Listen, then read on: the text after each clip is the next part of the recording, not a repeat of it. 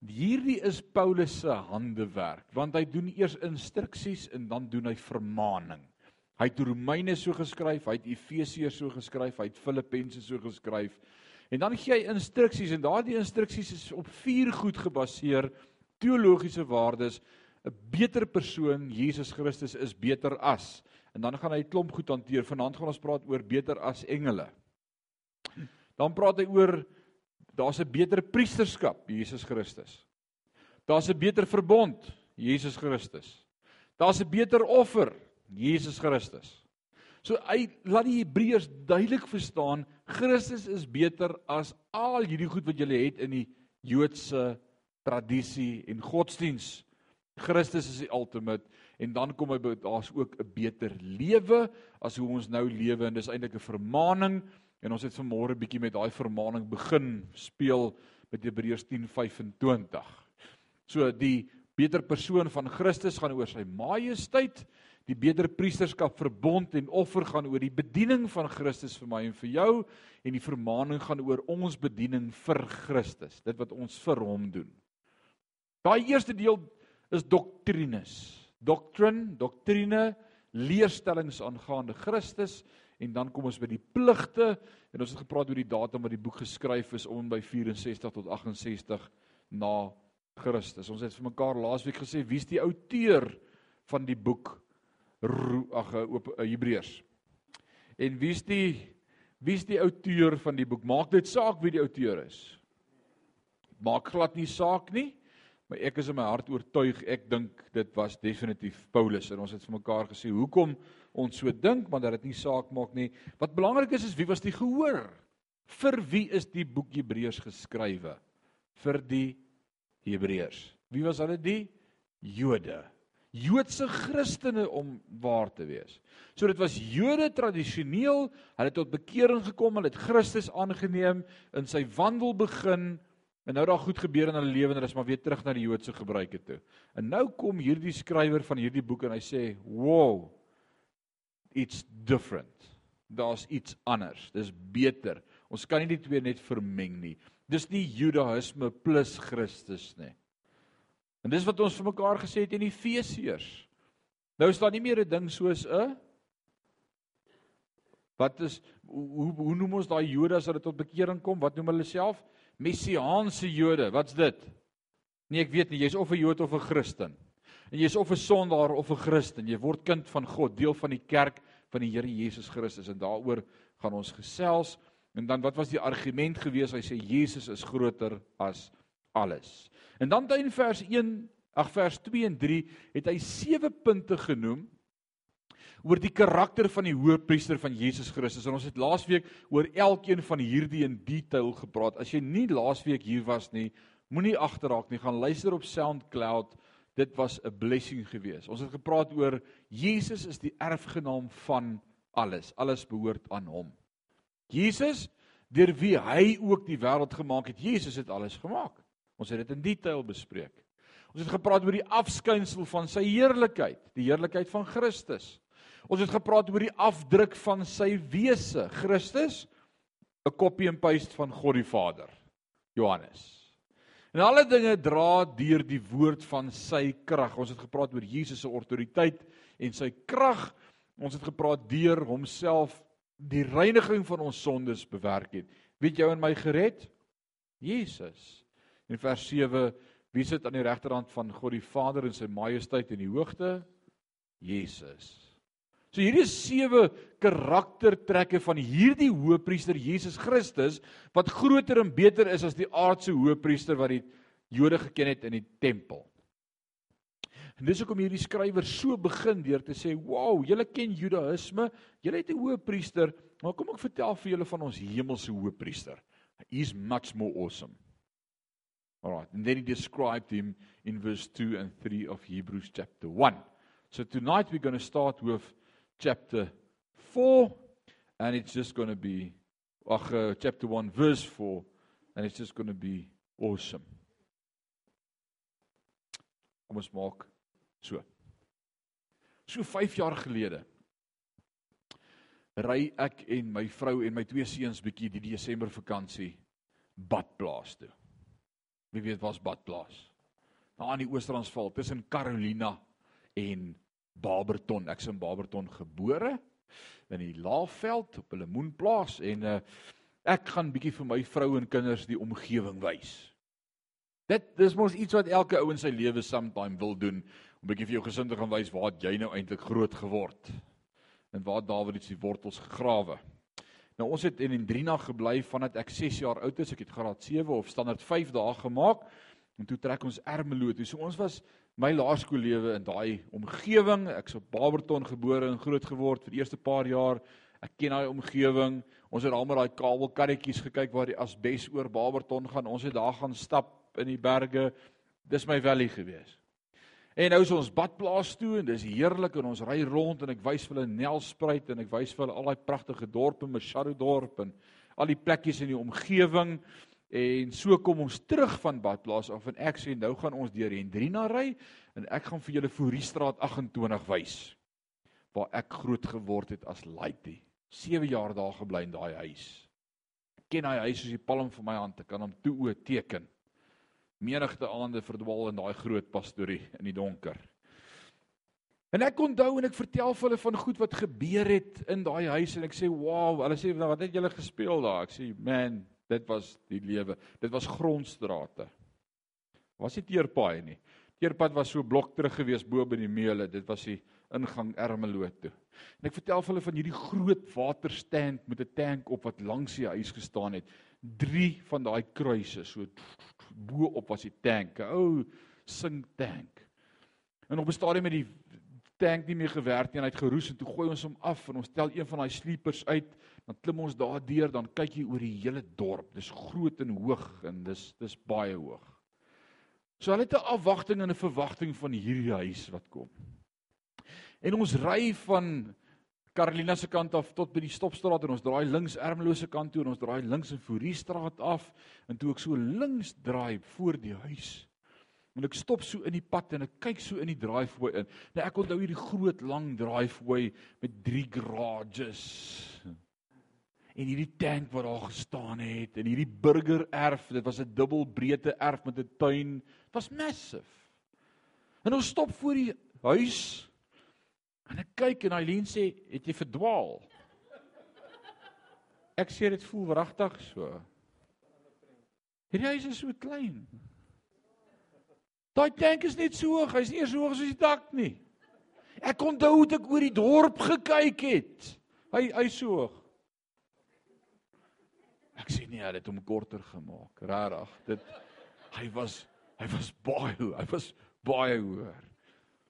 Ek sien hierdie draai voor, dis van hier af tot daar agter by Dis net so eentjie. Dis Waar's hy? Ons het met die go-kart hier afgery en dis rarig.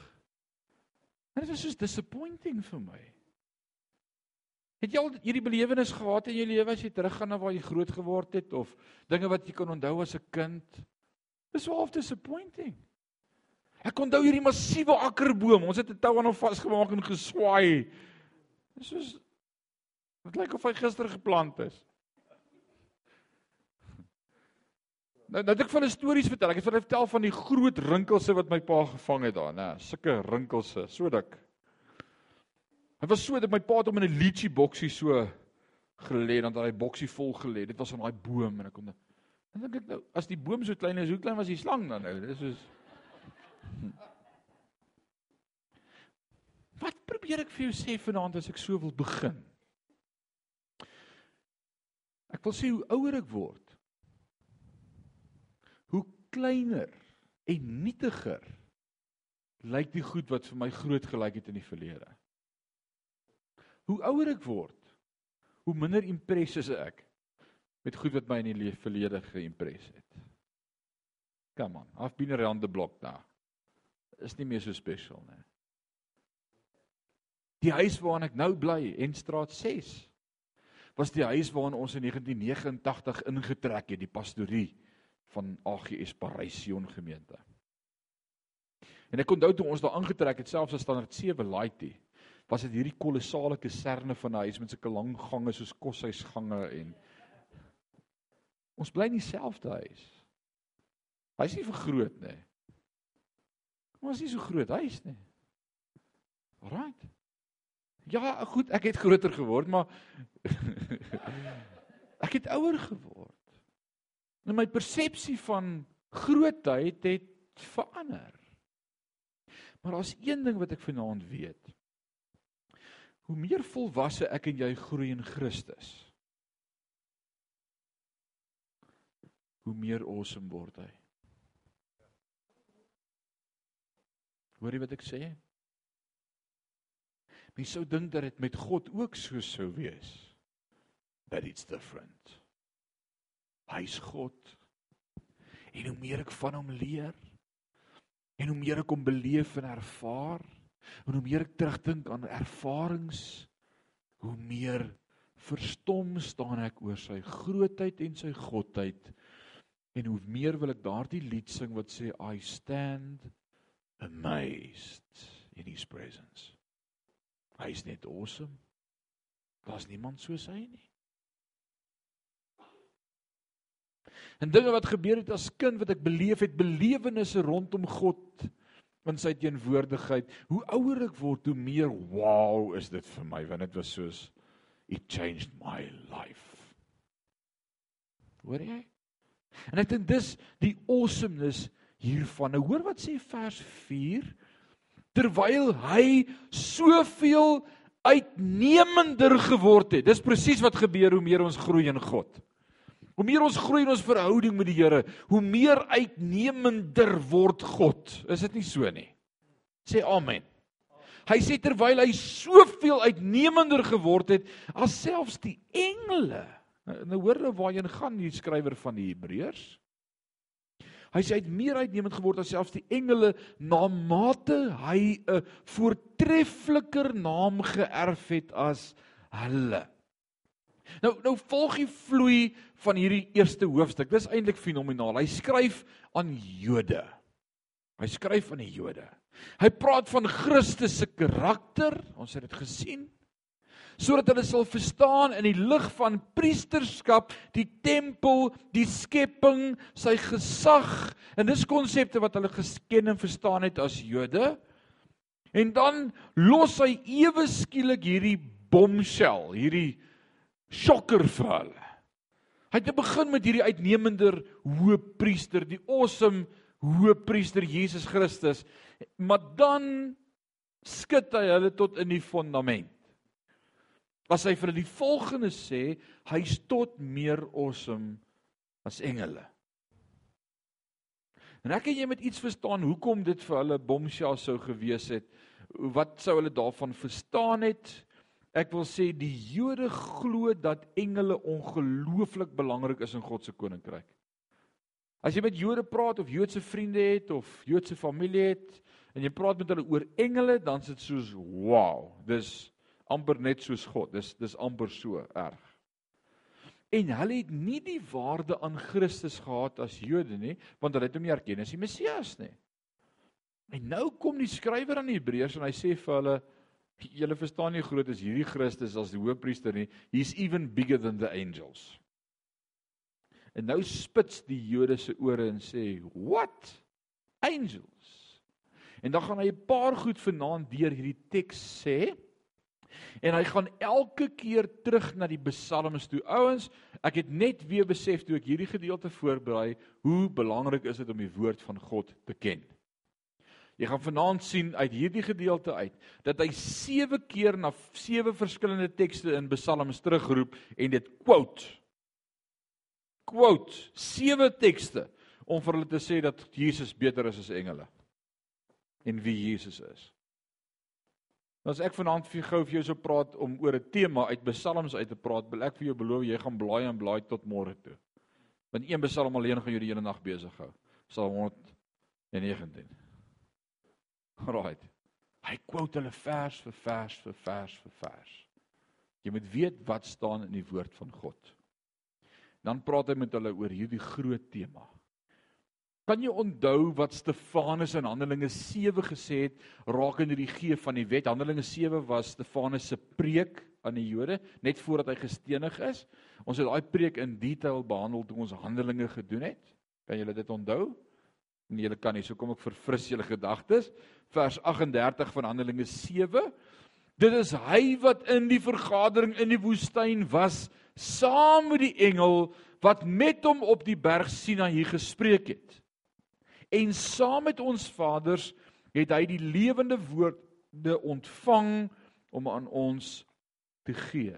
Hoor wat sê Deuteronomium 33 vers 2 oor daardie insident van Moses op die berg van verheerliking met die ontvang van die wet. Stefanus sê hoe hy dit beleef het. Hy sê daar was 'n engel saam met Moses op die berg. Dis wat Stefanus sê. Wat sê Deuteronomium 33 vers 2? En hy het gesê: Die Here het gekom van Sinaï en vir hulle opgegaan van Seir af. Hy het 'n ligglans verskyn van die gebergte Paron en gekom van heilige 10000de af. Die volk praat van Moses en wat sê hulle van waar het Moses gekom? Hulle sê daar was heilige 10000de engele saam met Moses op die berg. Aan sy regterhand was vlammende vuur vir hulle. Hier kry ek 'n ander beeld en 'n ander prentjie van, ah, dit was nie net God die Vader en Moses op die berg nie. Hoor jy wat ek sê? Stefanus sê daar was engel. Deuteronomium sê daar was 10000de engele. Dis die met ander woorde as die Jood kyk selfs na die wet en hoe die wet ontvang is, dan sê hy dit was so belangrik God het engele gebruik om die wet vir Moses te gee. Ja, God was daar, maar die engele het dit vir hom gegee.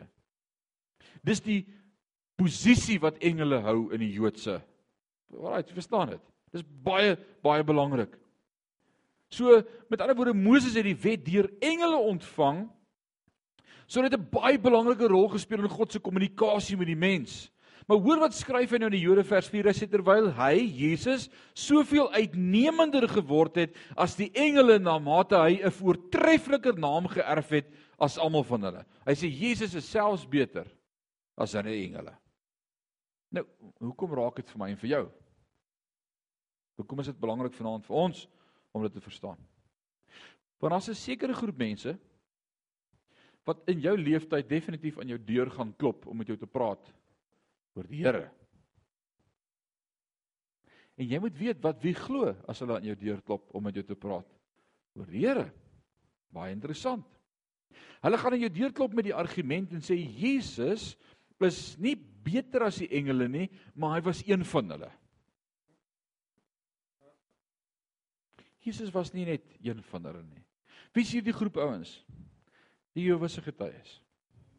Die Jehova se getuie glo dat Jesus een was van die engele. Hulle leer dat Jesus die broer was van die engel Michael. That's what they teach.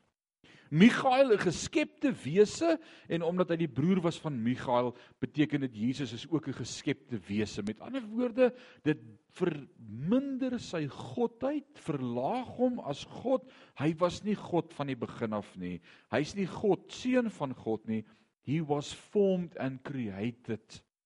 So he's a servant of God, not the son of God, neither God, neither part of the Godhead. He's just the angel. Is dit wat die woord vir my en vir jou leer wie Jesus is? Uh, ek wil sê want as Jesus Christus nie God is nie, maar geskep is deur God, raak die offer wat vir my en vir jou betaal is al hoe goedkoper. So God het nie meer homself gegee as prys nie, hy het sommer net iemand geskep en gesê nou gaan jy. Dit verander die hele prentjie van my teologie. En dis nie wat die Bybel my leer nie. Paulus sê God self het ons plek as mens ingeneem.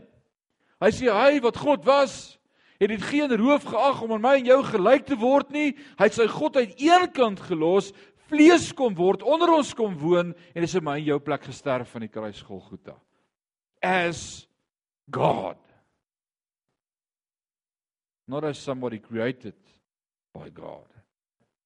Die Mormone glo dat ook Jesus nie hoor as as die engele nie. Hulle glo nie dat Jesus die broer van Michael was nie, maar eerder die broer van jy geweet wat hulle glo? Lucifer.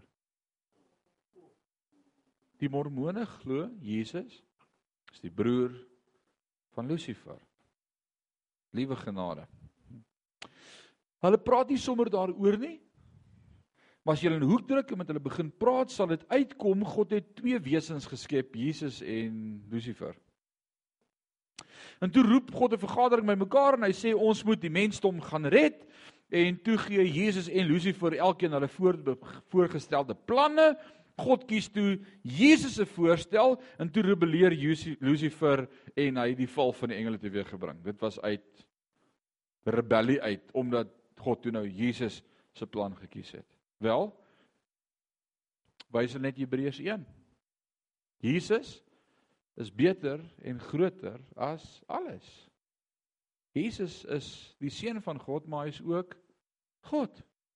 En dit is belangrik vir my en vir jou om dit te verstaan. Soveel mense het die idee dat God en die duiwel konstant in 'n geveg is. Ek weet nie van daai prentjie nie.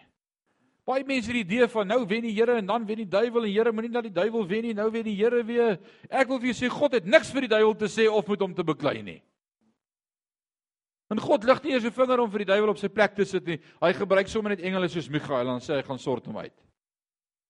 Want God is te groot en te almagtig.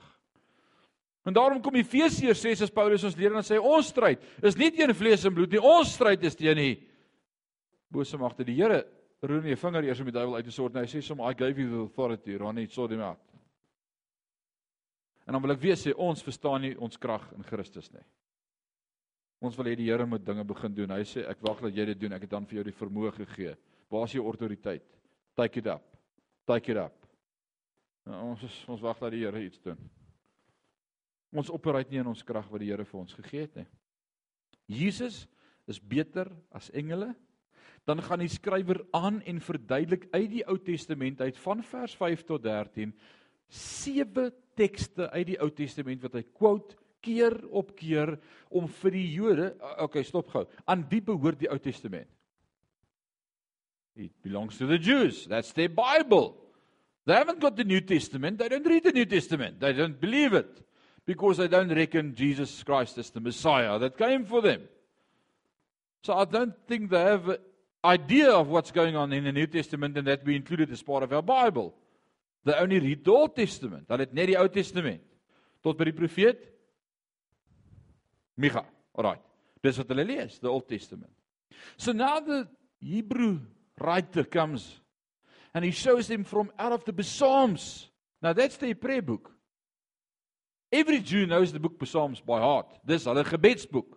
En nou wys hy uit die boek Psalms uit vir hulle, maar julle bid hierdie alle goed, maar julle verstaan nie wat julle bid nie. Sewe keer gaan ek vir julle uit die uit julle eie gebede uitwys, Jesus is groter as die engele. En sien baie keer het ek en jy nodig dat iemand vir ons na ons eie Bybel toe vat en sê kyk bietjie hierso. Verstaan jy ooit wat jy lees? Dink anders daaroor wat jy lees. Dis wat die woord met ons doen. Dis wat ons vanaand hier doen. Alraight. Nou, ek gaan nie Okay, kom ek gee dit vir julle. Daar's er daarbo. Julle kan dit dophou terwyl ons gesels en dan gaan ons dan toe blaai. Dit gee ek vir jou na die tyd as jy loop. Hebreërs is 'n fenominale intellektuele boek. Dit is rarig. Dis 'n boek wat homself uit die Ou Testament uit verduidelik. Want aan wie van die engele het hy ooit gesê: "U is my seun. Vandag het ek u gegenereer en weer ek sal vir hom 'n vader wees en hy sal vir my 'n seun wees."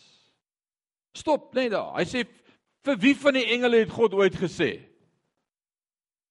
Nou wat quote hy daar? Wat quote hy? Kom ons kyk gou-gou daar wat quote hy Hebreërs 1 vers 5. Hebreërs 1 vers 5. Hy quote Psalm 2 vers 7. En dis presies wat in Psalm 2 vers 7 staan. U is my seun, vandag het ek u gegenereer en weer ek sal vir hom 'n vader wees en hy sal vir my 'n seun wees. En wat bewys dit? Dat God Jesus is God se enige gebore seun. Dis wat die woord verklaar in die Psalms. So hierdie Hebreërs skrywer is baie takvol en hy gebruik hulle eie literatuur om vir hulle te wys uit hulle eie boek uit. Dis eintlik ou nuus, ouens. Julle moet net bygekom het. Julle weet nie wat julle lees nie. Kom ek verduidelik dit vir julle. Julle gaan sien Jesus is God. Vers 6. OK, daar's nog 'n gedeelte wat hy in vers 5 eintlik vir hulle wys. En dis 2 Samuel 7 vers 14 dat God is Sy Vader, Jesus, is die Seun. Hy sê ek sal vir hom 'n vader wees en hy sal vir my 'n seun wees. Hy quote 2 Samuel 7 vers 14. Dis fenomenaal as jy hierdie goed so begin insien. Vers 6 sê en wanneer hy weer die eersgeborene in die wêreld inbring, sê hy en al die engele van God moet hom aanbid. En dit wys Jesus word aanbid deur engele. Nou as hy 'n engel was, hoekom sal die engele hom aanbid? Nou stop jy vanaand hier nou sê jy vir my, "Ag, oh, kyk wat staan daar." Daar staan hy is gegenereer en in die wêreld ingebring. sien, hy is geskep en dis is hy nie deel van die godheid nie, want dis wat mense vir ons sê. sien, dit staan in jou Bybel in Hebreërs 1 vers 6, 5 en 6 is hy's gegenereer He was created en hy's in die wêreld ingebring. Dit beteken hy kon nie God gewees het nie. Nou daar's 'n hele paar antwoorde wat jy dan vir so 'n persoon kan gee. Nou om Tom. Maar hier's 'n een wat ek dink belangrik is om te verstaan en dit gaan oor konteks en verband. En daarvoor wil ek jou gou na Jeremia 31 vers 9 toe vat en ek het dit nie vir jou daar opgesit nie. So jy gaan dit daar moet inskryf by vers 5 en 6 in die kantlyn. Dit gaan jy nie kry nie. If you miss it now, you're going to miss it. Jeremiah 31 verse 9. Die laaste gedeelte sê want ek is vir Israel 'n vader en Efraim is my eersgeborene. Nou wat is die probleem met hierdie teks en met wat hier gesê word Jeremia 31 vers 9? Was Efraim Josef se eersgeborene gewees? Josef se eersgeborene was wie? Kom aan, wie kan my sê wie was Josef se eersgeborene? Wie wil raai? Bietjie harder? Nee. Waar is ons Bybelstudente? Waar is jy ons wat die Bybel al deur gelees het een keer per jaar? Kom Tom, wat sê jy? Wie was wie was hy wat sê dan nie? Manasse, beautiful. Manasse, jy kan 'n Jy kan 'n gratis papier vanaand kry, hoor? Manasse was die eersgeborene gewees van Josef. Maar wat staan hier? Dat Efraim in dis konteks en dis as jy die taal gaan ontleed, dat Efraim prioriteit gehad het vir Josef bo Manasse. He was more important. So daai woordjie gegenereer of daardie woordjie eersgeborene dui op heeltemal iets anders. Dit spreek nie van posisie nie, maar van prioriteit. So dit gaan nie oor eerste of tweede of derde of vierde nie, maar in my oë die belangrikste. Dis waaroor dit gaan. So die woord eersgeborene spreek hier van prioriteit. So wat sê God hier? Hy sê Jesus het prioriteit. En wanneer hy as eersgeborene in die wêreld inbring, sê hy en al die engele van God moet hom aanbid. En hulle het kan jy onthou toe Jesus gebore is, die geboorteverhaal, ons het dit Kerstyd het jy dit bedink en deurgegaan en ons het gesing. Onthou jy al die liede wat ons gesing het, al die Kersliede? Bethlehem ster o wonderlik. En wat het wat het die engele gedoen met die herdersvelde? Met die herders. Onthou jy die lied wat ons sing van die herders? Wat het die engele gesing? Hulle het gesê sing eer aan God in die hoogste hemele en in hè in God te welbehaag. Hulle aanbid hom. Wat het God vir die engele gesê sal julle doen? My seun aanbid. Jesus is beslis nie net een van die engele nie. Alraight. En hulle het met die sy geboorte die engele sing. Vers 7 wat gebeur in vers 7? So dan in vers 6 het ons gesien Psalm 79 vers 7 en in Deuteronomium 32 vers 43 wys vir ons Jesus word aanbid deur engele. Vers 7 en van die engele sê hy wel hy wat van sy boodskapper winde maak en van sy dienaars vuur vlamme. Wat beteken dit? Eers laat die Bybel is soms net te moeilik vir my en vir jou geskrywe. En dan wil ek sê ons pos te min en meditate te min en blaai te min en soek te min om te verstaan wat daar staan. Daar's actually 'n antwoord met 'n rede. Wie van julle onthou vir Samson in die Ou Testament? Ja ja. Christian, onthou jy vir Samson? Wat het Samson gedoen? Hy wys so. Samson was 'n sterke man. Hæ? Right. Samson se pa en se ma, kan julle hulle name onthou? Ek wonder wie van julle Samson se ouers se name kan onthou. Wie wil 'n kans vat? Kom ek help jou. Samson se ma se naam staan nêrens in die Bybel nie. Die Bybel praat net van die vrou. Dis goed. Maar nee, hy praat net van die vrou. Sy het dalk moeilikheid gemaak. Ek weet nie, sy het nie 'n naam in die Bybel nie. Maar sy pa se naam Manoag. Jy al gehoor van Manoag? Samson se pa? Alraight. En toe die engel aan hulle verskyn, daar in Rigters 13 vanaf vers 19 tot 22 vind ek daardie gedeelte en hoor gou wat gebeur. Toe neem Manoag die bokkie en die spysoffer en offer dit op die rots aan die Here terwyl hy wonderbaarlik handel voor die oë van Manoag en sy vrou. Toe die vlam van die altaar opstyg na bo, het die engel van die Here in die vlam van die altaar opgevaar. En Manoag en sy vrou het dit gesien en met hulle aangesig op die grond geval.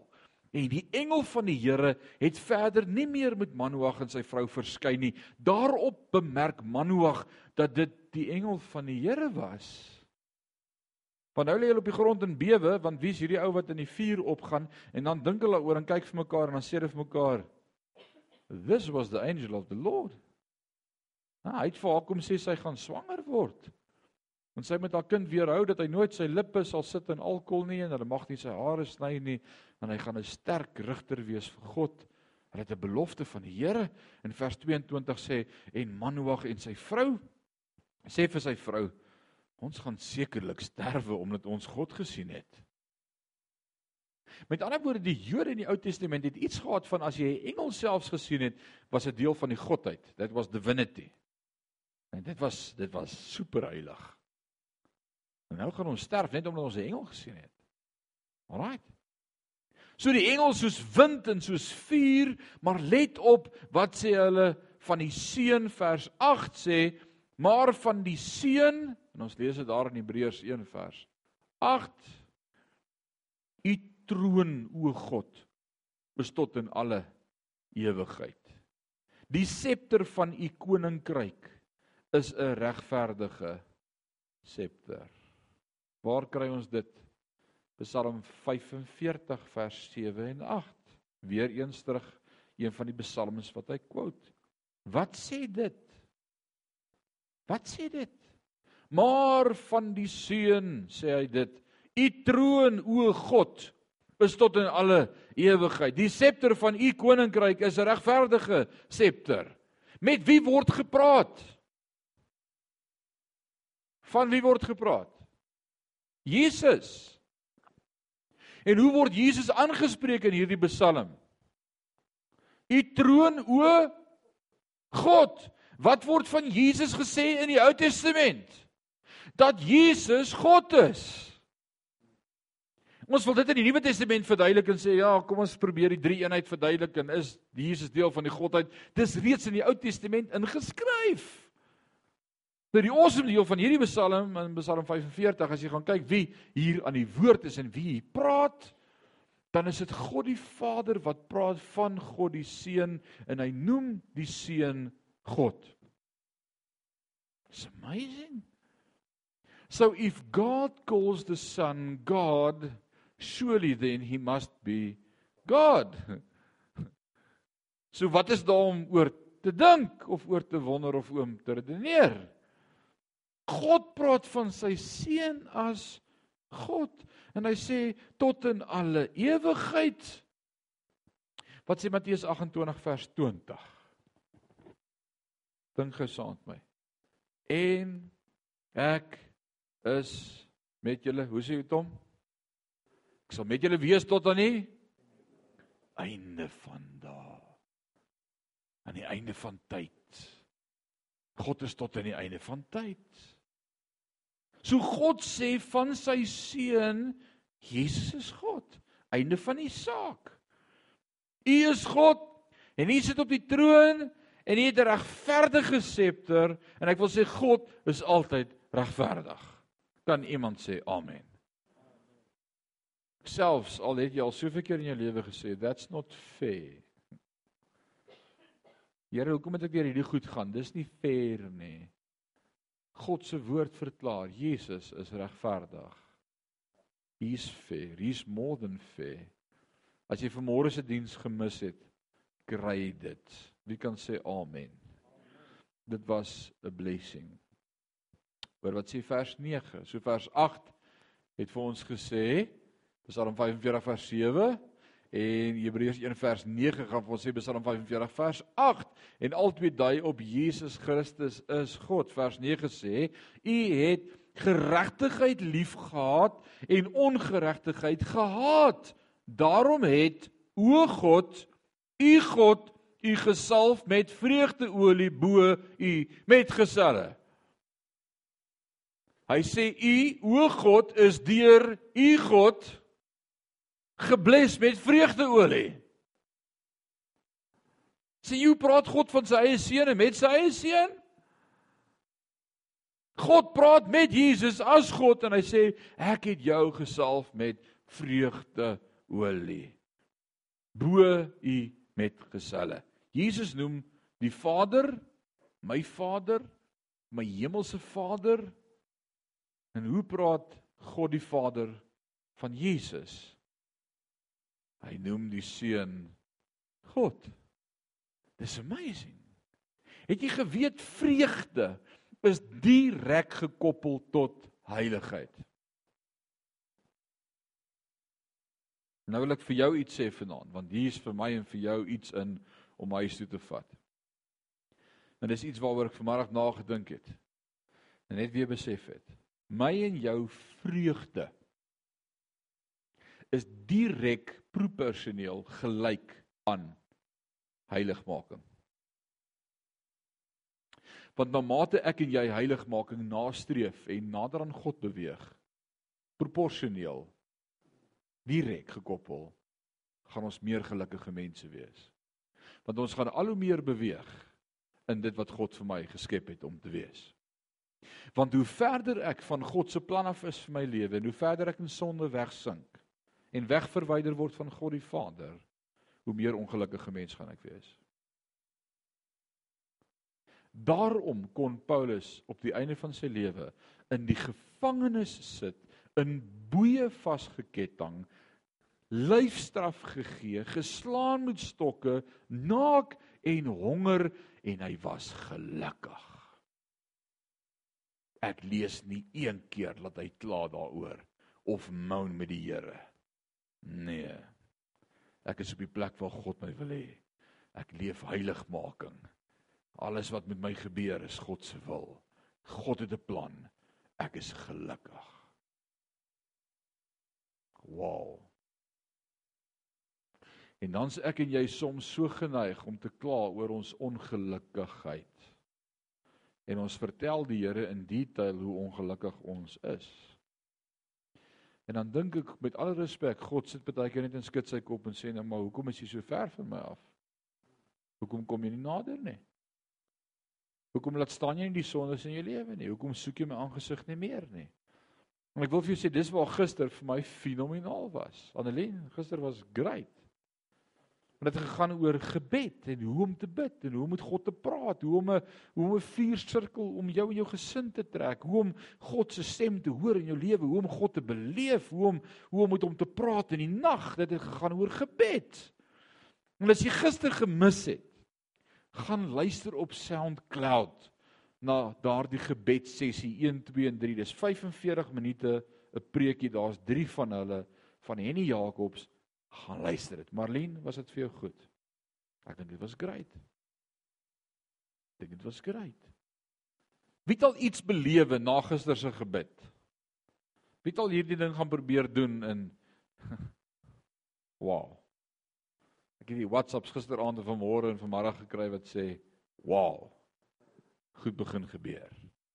Goed begin gebeur." Bid, praat met God. So ek wil sê heiligmaking is direk proporsioneel gekoppel aan vreugde. So as jy voel die vreugde in die lewe is van jou gesteel, wil ek vanaand vir jou goeie raad gee. Kom nader aan God. Kom nader aan die Here. Vers 10.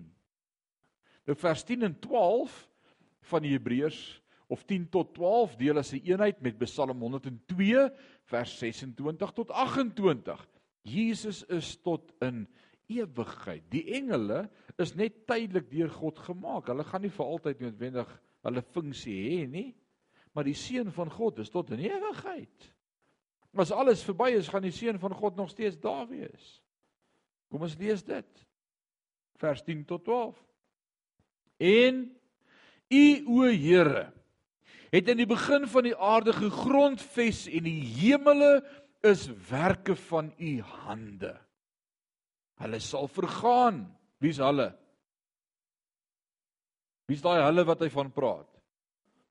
Hierdie hele gedeelte deel met Jesus is beter as engele. Dis die konteks waarbinne hy met hulle praat. Dan sê hy hulle sal vergaan. Engele sal vergaan. Maar u bly, Jesus. En hulle sal almal soos 'n kleed versluit en soos 'n mantel sal hulle hulle sal u hulle toerol en hulle sal verander word. Maar u is dieselfde en u jare of u tyd of u ewigheid het geen einde nie. Jesus ek is gister, vandag en tot in alle ewigheid dieselfde, onveranderlik, onsienlik, alleen wys. En hier leer die Hebreërs skrywer dit vir hierdie Jode uit hulle eie Bybelboek uit. Ek dink hulle staan rooi in die gesig en sê ons het nooit hierdie goed verstaan nie. Imagine dit. As iemand in jou eie boek vir jou iets wys. Ek wou dit nie gesien het nie. Ek wou dit eerder nie geweet het nie. En dan kom hy by Hebreërs 1 vers 13 en dan vat hulle na Handelinge ag eh, Psalm 110 vers 1 en hy wys vir hulle nie net is God tot in ewigheid nie, Jesus is oorwinnaar oor alles. Hoor wat sê hy in vers 13. En dan watter een van die engele het hy ooit gesê gaan sit aan die regterhand totdat ek u vyande gemaak het 'n voetbank van u voete. Wat het God die Vader vir sy seun gesê toe hy oorwin het en opgestaan het uit die graf uit en opgevaar het in Handelinge 1 na die hemel om by God te wees? Wat gebeur met Jesus toe hy in die hemel aankom? God sê vir hom kom sit aan my regterhand en nou maak ons die aarde en jou vyande 'n voetbank vir jou voete. Jy het vir altyd oorwin. Die prys is betaal. Daar's niks meer om te doen nie. Kom sit en geniet jou handewerk. En wat het die engele dit ooit gesê? Nou wys. En dan kom vers 14, nou eindig hierdie gedeelte so. Is hulle nie almal dienende geeste wat vir diens uitgestuur word ter wille van die wat die saligheid sal beerwe nie? So wat is die posisie van 'n engel dan? Want dis wat ek en jy vir mekaar dan nou vra.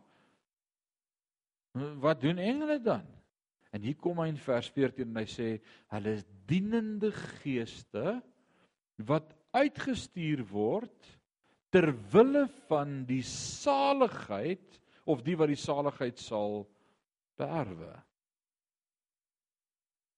Engele word deur God gestuur om vir my en vir jou te kom help. Ons aanbid hulle nie. Ons val nie voor hulle neer nie. Ons soek nie hulle teenwoordigheid nie. Ons dien hulle nie. Hulle dien ons in opdrag van God die Vader. Wow.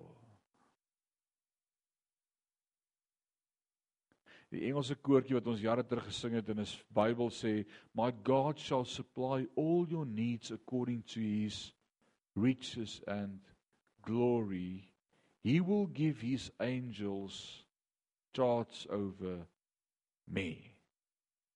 Jehovah Jireh cares for me. Kan jy dit onthou Tanya? God gee sy engele opdrag aan gaan na jou. En op daai punt wil ek dan nou sommer iets sê.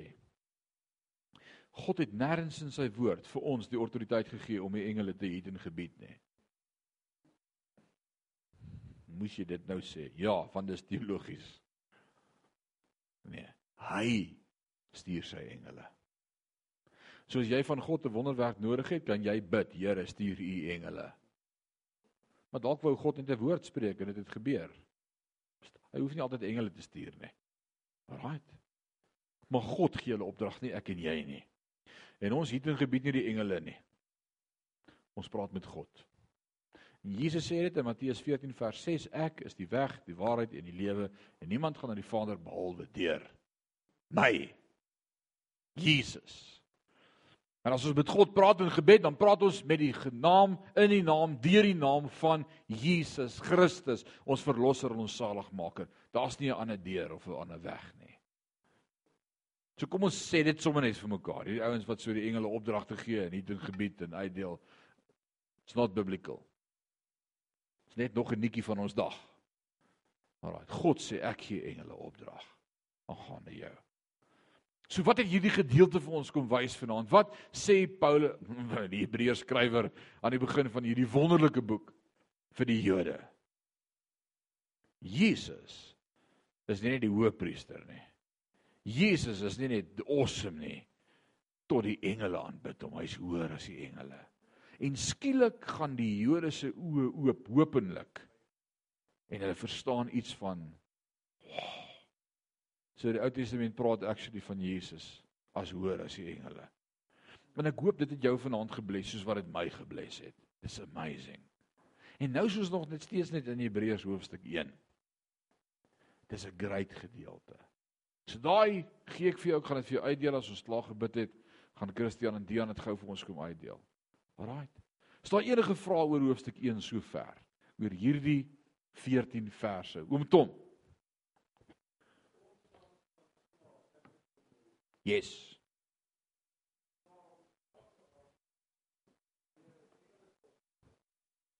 Amen. Mag ons dit doen? Yes. Maar mag ek die engele summons en sê jy staan hier en jy staan daar. Nou kyk julle ek gaan nou slaap. That's unbiblical. Maar ek vra, want God sê hy sal sy engele opdrag gee aangaande ons. So ek herinner hom aan sy woord. Ek quote woord. Ek sê net wat die woord sê. U sê u sal hulle stuur, stuur hulle asseblief. Met ander woorde, dis geloof. God doen dit. Dit kan ons bid. Absoluut. Amen. Absoluut, veral in hierdie tyd waarin ons lewe. Ek ek moenie oor dit goed praat nie want ek word net kwaad, so laat ek dit nie doen nie. Alraight. Maar jy kry regtig mense wat in hierdie laaste dae vreeslike goed kwyt raak. In een van die profeteste, ek wil nog vir haar laat weet, sy's 'n valse profeet. Maar dit sou laas maandag aand ons as blankes in Suid-Afrika se laaste nag gewees het voordat hulle die groot nag van Johannesburg van Siener van Rensburg en Johanna, weet nie wie nog se profesie waar word nie. En uh, dit het toe nou nie gebeur nie. So ek wil net vas sê nou wat nou? Uh Sy het nog al haar selnommer en alles daarop. Ek gaan haar bel. Ek gaan haar bel hierdie week. En uh een van die goed wat sy toe nou sê is bid gaan jou in hierdie tyd niks help nie. Ek het net gesmaal. Toe dink ek aan daardie skrif wat Jesus self sê Matteus as hy sê in die laaste dae sal baie sê hier is hy en daar is hy en gaan uit en doen dit te maak so. Hy sê as jy hierdie goed hoor, gaan in jou binnekamer en praat met God. Ja, dit is amazing. Ons daar's soveel roemers en nonsens. En weet jy wat as ek vir jou dit sou speel vanaand gaan jy op jou rug val want sy sê ek is 'n profete gesand van Jesus die Messias en ek ek come on man. Come on. Man. In hierdie tyd het jy nodig om Jesus Christus te ken as jou verlosser en jou saligmaker. En Dawid sê en al val daar 'n 1000 links van my en 10000 regs van my, my God is my banner. Jehovah Jireh. Hy sal voorsien. Ek wil dit vir jou vanaand sê. Hy's nie net 'n engel nie, hy is God. Alraait. Hy summons engele en hulle is daar by jou. Maar hy's God.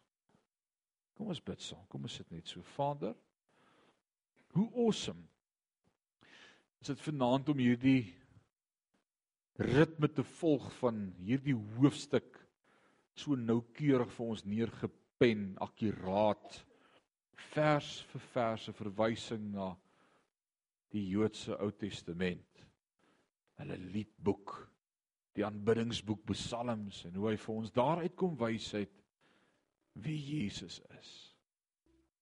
Ha, hy's groot. En ek dink nie ons begin om te verstaan hoe groot hy is nie. Wil ek vanaand bid, gee ons elkeen net opnuut te besef van die grootheid van die seun van God. Nie net as sy seun nie, maar as God. En hierdie Hebreërs 1 kom lê dit vir ons so vas om te sê Jesus is God. Dankie daarvoor. Dankie dat dat, dat ons vanaand U kan ken as ons verlosser en ons saligmaker. Dankie dat ons vanaand mag wees wit gewas deur die bloed van die lam. Geregverdig. In a right standing with God. The price has been paid in full. You proclaimed it on the cross as you cried out this word tetelestai it's done and it's finished. We just want to thank you lord. We just want to glorify your name. We just want to honor you and just want to love you. Are we so aware of your presence this evening, Father God, as, as we just stand amazed about your greatness and your goodness and your mercy endureth forever and ever and ever. Dankie dat ons mag verstaan. Help ons om in hierdie week God bewus te lewe. Help ons om op te hou fokus op al hierdie ou klein goedjies om ons wat gebeur. Help ons om 'n God verwagting te hê en 'n God bewustheid te hê. Hy is met ons. Hy is by ons. Hy is in ons. Hy is vir ons. Hy is altyd daar. Ons eer U daarvoor. In Jesus naam. Amen.